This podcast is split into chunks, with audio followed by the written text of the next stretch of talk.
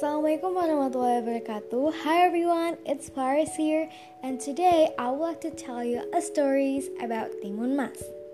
Once upon a time, an old widow wanted a daughter to live with her in a village.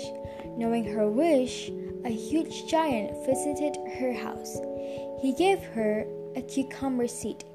He told the old widow that there will be a baby inside the cucumber. The giant promised to come back for a baby when she turned 16. The old widow planted the seed in her backyard. By the next morning, a cucumber grew. She cut it open and found a baby girl inside. The old widow was so happy and named the baby Timun Mas. Day by day, Timun Mas grew into a beautiful lady.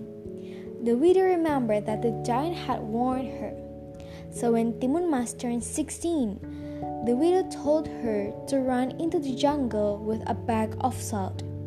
You must not let the giant catch you, the widow cried out as Timun Mas ran into the jungle. The giant came and asked the widow for Timun Mas. The widow refused to tell him, and so he went into the jungle. He angrily called out Timun Mas. Timun Mas heard his voice and ran away from him. The giant chased her. Timun Mas threw the salt that the widow had given her. It turned the jungle into a muddy field. The muddy field swallowed the giant, and he was never seen again. And finally, Timun Mas returned home and live happily ever after with the widow.